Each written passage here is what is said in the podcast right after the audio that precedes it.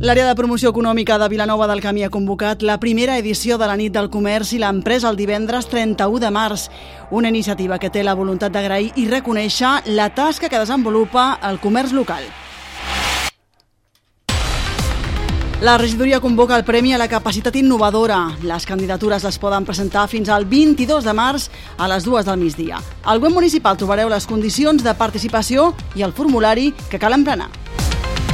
L'Expo ADN Overland està creant molta expectació i els organitzadors esperen força afluència de públic durant els tres dies de fira i congrés que s'inauguren avui.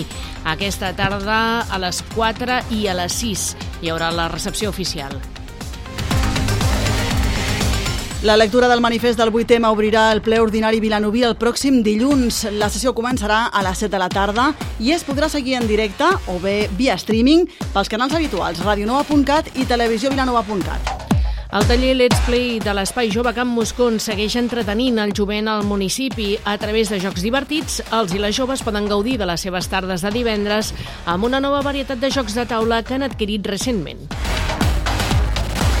L'empresa Inderac SL de la Pobla de Claramunt ha fet una donació a l'Ajuntament de gairebé 400 quilos de llegum sec. És una donació puntual per part d'aquesta empresa pobletana que es destinarà a les famílies usuàries del Banc de la Teca. Avui repassarem l'agenda del cap de setmana que arriba plena d'actes, xerrades, presentacions literàries i cinema, entre altres. I Esports Vilanova espera viure aquest diumenge una lluïda cursa popular. Aquesta setmana han tancat inscripcions anticipades amb més de 600 persones que participaran en les diferents proves.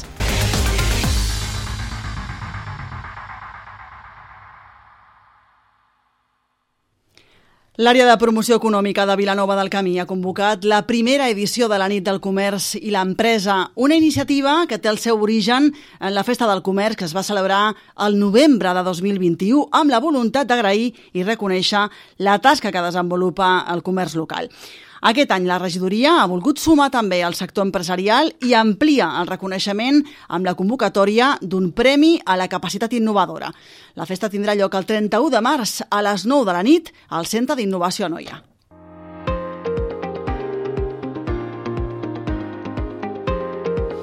Seguint l'esperit de la Festa del Comerç, la nit del comerç i l'empresa s'ha concebut amb un doble objectiu. D'una banda, reconèixer i promocionar els comerços de proximitat, així com les empreses del municipi, i de l'altra, homenatjar aquells negocis singulars de Vilanova del Camí. Aquest any es proposa continuar amb el reconeixement a la trajectòria d'aquells comerços i empreses que fa més anys que van establir-se al municipi i com a novetat també es vol premiar la capacitat innovadora d'aquests emprenedors. Els comerços i les empreses podran presentar candidatures si almenys durant els darrers tres anys han incorporat en el seu negoci alguna iniciativa o idea innovadora que hagi contribuït a millorar la competitivitat i donar singularitat a l'empresa. El comerç, l'emprenedor o empresa que vulgui optar a aquest premi haurà d'omplir el formulari que trobarà al web municipal. El formulari demana un seguit de dades personals per identificar l'empresa i el seu representant. També es demana que s'expliqui breument la proposta innovadora que s'ha incorporat, els objectius assolits, així com si l'experiència es pot exportar a altres empreses com a bona pràctica.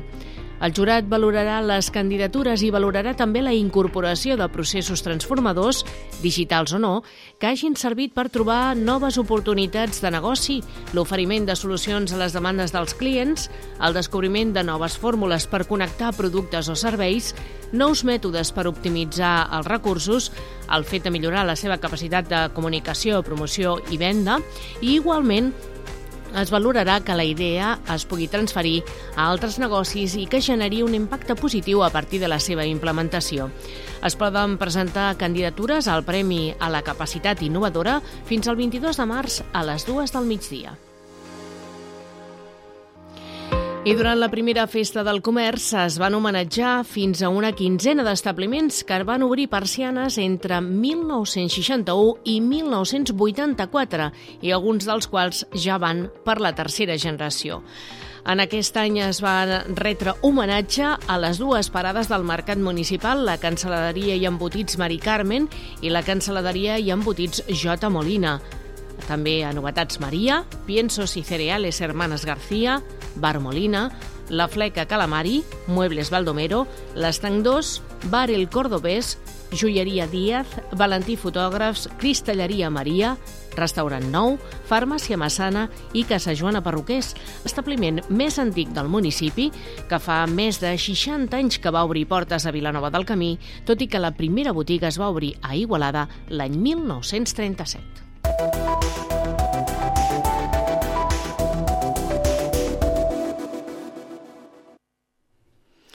ADN Overland està acabant de fer els darrers retocs abans d'inaugurar aquesta tarda la primera edició de l'Expo ADN Overland, una fira congrés sobre overlanding, pionera al país.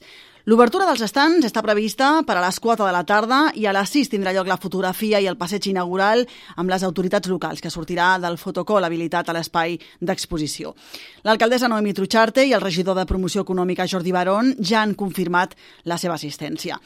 L'Expo ADN Overland està creant molta expectació i els organitzadors esperen força afluència de públic durant els tres dies de fira i de congrés. Reconeguts influencers també han confirmat la seva assistència a aquest esdeveniment que plegarà professionals especialitzats en el moviment Overlander.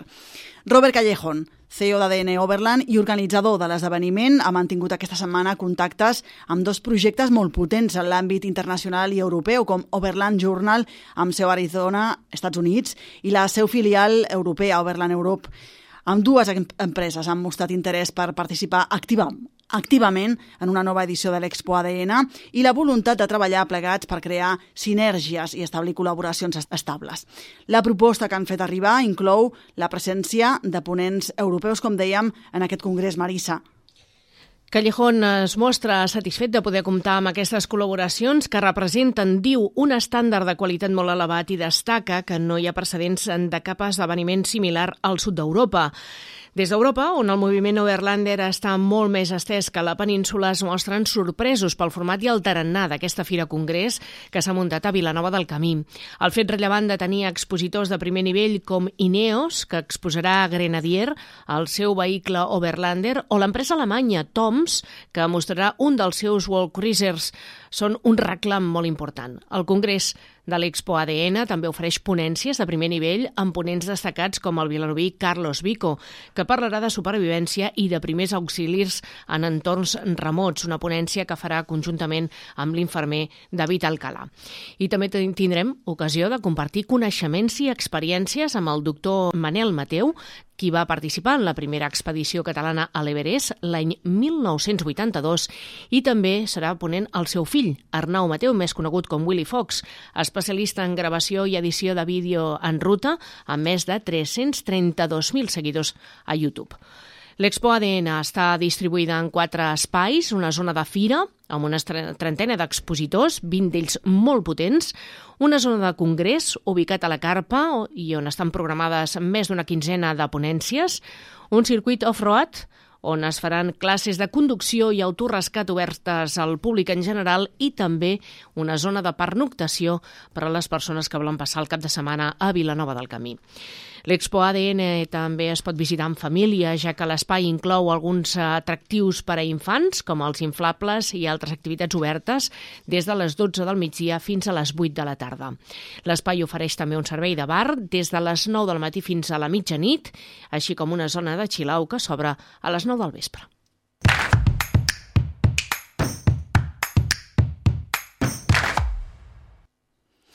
La lectura del manifest del 8M obrirà el ple ordinari vilanoví el pròxim dilluns. La sessió començarà a les 7 de la tarda i es podrà seguir en directe o bé via streaming pels canals habituals radionova.cat i televisiovilanova.cat.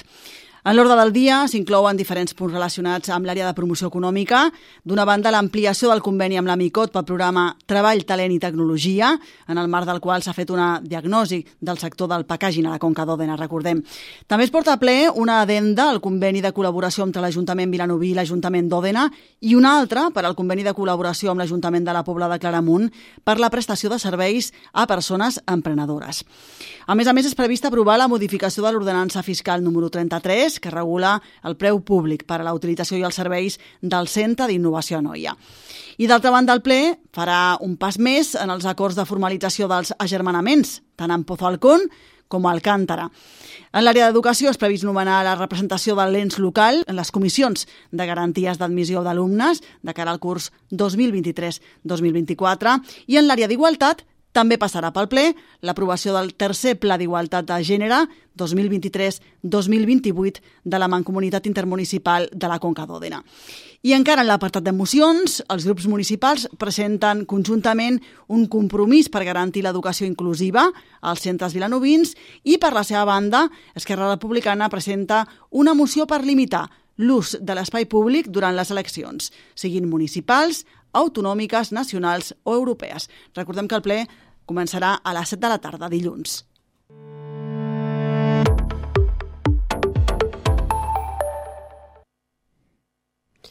L'empresa Inderac SL de la Pobla de Claramunt ha fet una donació a l'Ajuntament de Vilanova del Camí de gairebé 400 quilos de llegum sec. És una donació puntual per a aquesta empresa pobletana que es destinarà a les famílies usuàries del Banc de la Teca de Vilanova del Camí. Els sacs de llegum han arribat aquesta setmana al Banc de la Teca i el voluntariat s'encarregarà de l'embossament i el repartiment entre les famílies. Des de l'Ajuntament es mostren agraïts amb la contribució de l'empresa pobletana que, a més a més, aporta un producte de qualitat. Indera SL és una empresa dedicada a la producció, magatzematge i distribució i també envasat de llegum cuit. Fundada el 1992 per oferir el llegum conservat i termoenvasat, des de l'any 2000 també té una línia de producte congelat. I recentment, el 2020, ha certificat tres productes, llenties, mongetes i cigrons en format refrigerat i congelat com a producte ecològic. A la seva pàgina web es poden trobar receptes de cuines amb llegum. El trobareu a www.inderac.com barra receptes.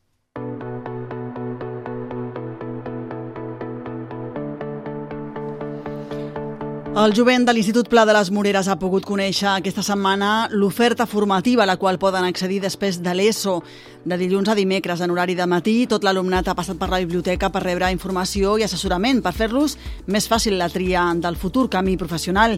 Totes les classes de tercer i quart d'ESO i també les tres de batxillerat, de primer de batxillerat, han pogut passar per la fira i rebre durant una hora aquesta informació tècnica per part dels professionals de l'Espai Jove Camp Moscons, del Servei Local d'Ocupació i del Servei d'Orientació d'Àmbit Comunitari.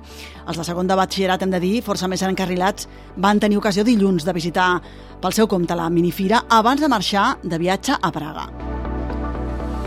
I dimarts una cinquantena de pares i mares van participar també de la xerrada d'orientació a càrrec d'Atlas i van poder rebre les explicacions del tècnic de joventut directament a la minifira van poder conèixer l'oferta d'estudis postobligatoris després de l'ESO, des de PFI, cicles formatius de grau mitjà i superior, els cicles formatius de règim especial, les modalitats del batxillerat i els graus universitaris a Catalunya.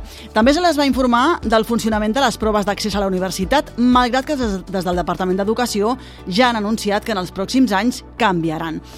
I a la minifira també els van facilitar les dates de preinscripció escolar, les de les jornades de portes obertes previstes i la convocatòria de beques, tant del Ministeri d'Educació, que està previst que s'obrin entre finals d'aquest mes de març i principis d'abril, com la de l'Ajuntament Vilanoví, que està previst que s'obrin entre setembre i octubre del curs vinent. Avui i ahir s'estan responent també per correu electrònic les consultes que els joves van fer a la minifira perquè les famílies puguin tenir tota la informació per escollir el millor itinerari formatiu. I aquesta tasca d'acompanyament de l'Espai Jove Camp Moscons no acaba amb la minifira. És per això que van obrir també les portes al jovent per accedir i conèixer tots els serveis que s'ofereixen des de Camp Moscons, com ara els d'assessoria laboral, acadèmica, mobilitat internacional, habitatge, garantia juvenil, tramitació de beques i també la consulta jove per a l'acompanyament psicològic.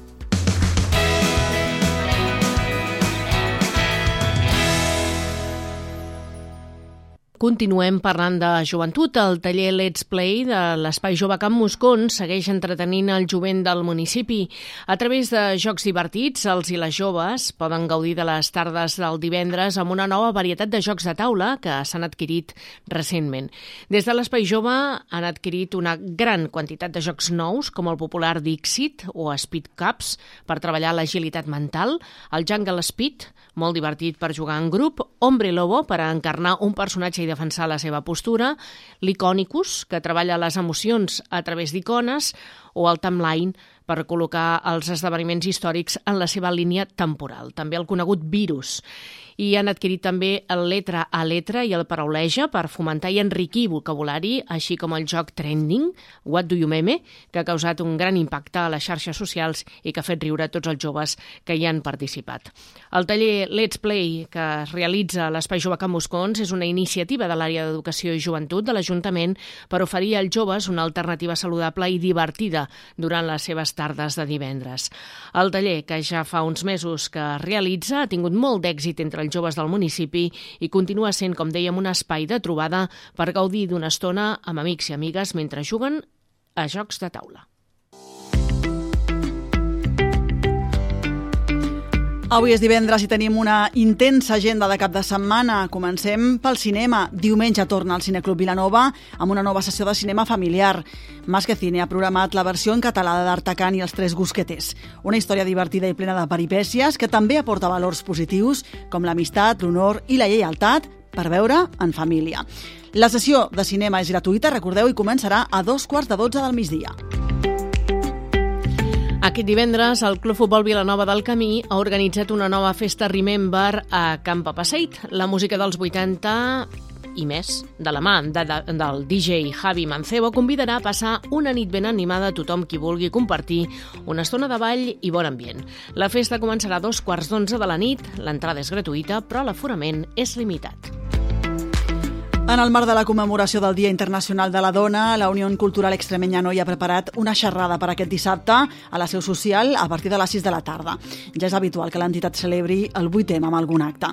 Aquest dissabte tornaran a comptar amb la psicòloga Verónica Mezcua per parlar d'igualtat i per avançar cap a una societat lliure de violència i de masclismes i també comptaran amb la intervenció de la caporala de la policia local vilanovina. El PSC Vilanoví també s'ha sumat a la commemoració del Dia Internacional de la Dona. A banda de la manifestació convocada al 8M, el pròxim diumenge celebraran la tradicional Fira de la Dona a la plaça del Mercat a partir de les 11 del matí, on es podrà gaudir de la mostra. També tindrà lloc un homenatge a títol pòstum a Pilar Estrada, socialista històrica de Vilanova del Camí, que va traspassar fa poques setmanes. I després actuarà la vilanovina Aroa Bermúdez amb Joan Cuyubamba a la guitarra, els actes acabaran amb un vermut popular. I més cinema i llibres. Aquest cap de setmana el vinanoví Javier Pérez Vico presenta dissabte, demà, el seu primer llibre Aislados en el cine, que ha escrit amb Pepe Dana i que ha publicat Terra Ignota Ediciones. La presentació es farà a Camp Passeig a partir de les 6 de la tarda. Es podrà adquirir el llibre al preu promocional de 17 euros i compartir també l'experiència amb els autors que signaran els exemplars. L'organització, però, prega fer reserva enviant un correu electrònic a aisladosenelcine.gmail.com indicant el nombre de persones que assistiran a aquest esdeveniment. I encara un darrer apunt, perquè diumenge l'Associació Sardanistes de Vilanova del Camí tornarà a reunir-se a la plaça del Mercat.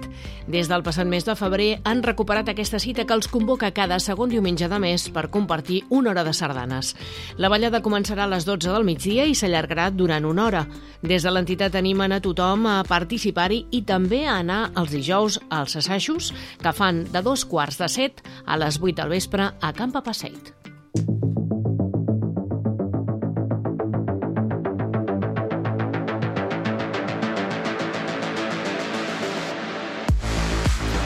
I Esports Vilanova espera viure aquest diumenge una lluïda cursa popular. Aquesta setmana han tancat inscripcions anticipades amb més de 600 persones que participaran en les diferents proves. La més concorreguda serà la prova reina de 10 quilòmetres que preveu aplegar uns 236 corredors. A la prova de 4 quilòmetres i mig s'han inscrit 152 persones. I també la caminada es preveu molt participada. De moment són 173 les persones inscrites, però en aquest cas el mateix dia de la prova també podran fer la inscripció. Igual que en la cursa infantil d'un quilòmetre, a la qual de moment han confirmat la participació una cinquantena d'infants. La sortida, recordem, serà a dos quarts d'onze del matí per a totes les proves, a excepció de la cursa infantil, que serà a les 12 del migdia. Enguany aquesta cursa popular arriba a la 27a edició i la caminada popular a la tercera edició. Hi haurà avituallament i obsequis a l'arribada per a tots els participants llevat dels acompanyants de la cursa dels petits.